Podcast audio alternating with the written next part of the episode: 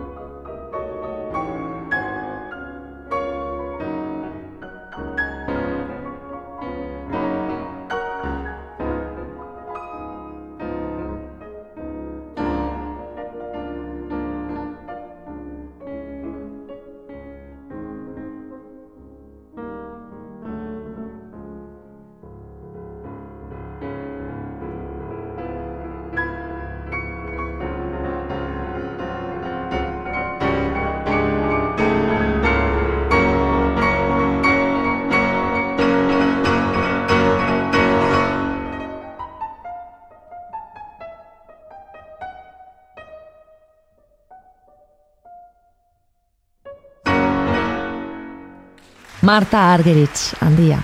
Kompositorea Rafael Gustavino, arkitekto eta musikagile Espainiarra, Valentzian jaio eta estatu batuetako Baltimoren hiltzen. Ameriketan karrera egin zuen eta berak diseinatutakoak dira Harvardeko Unibertsitatea, Berkeley, St. Jailekoak, Museo Metropolitanoa edota Washingtoneko Museo Nazionala. Baina ez zuen jaioterrira itzultzerik izan, esan bezala Aipar Ameriketan hiltzen, New York konkistatzera joan aurretik egin zuen iruzur piramidal batengatik. Klasikoak EITB. Zine musika orain, nino rota gogoan, Feliniren Amarkor filmeko doinu aski ezaguna entzungo dugu jarraian, Napolesko mandolina orkestraren eskutik.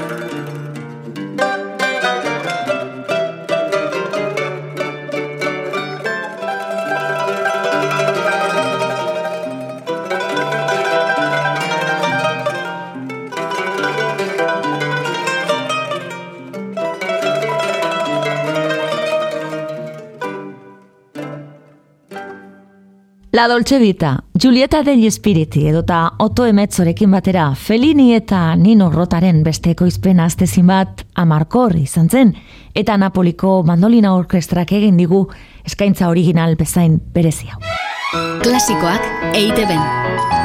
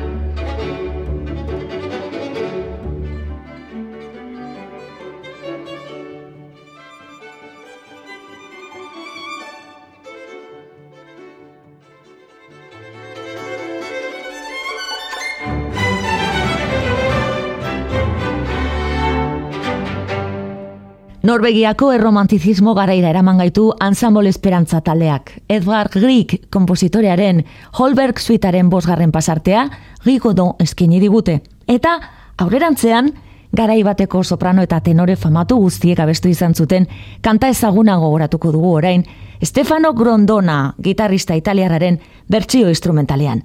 Kinito Balberde Madrildarraren klabelito sospetsua.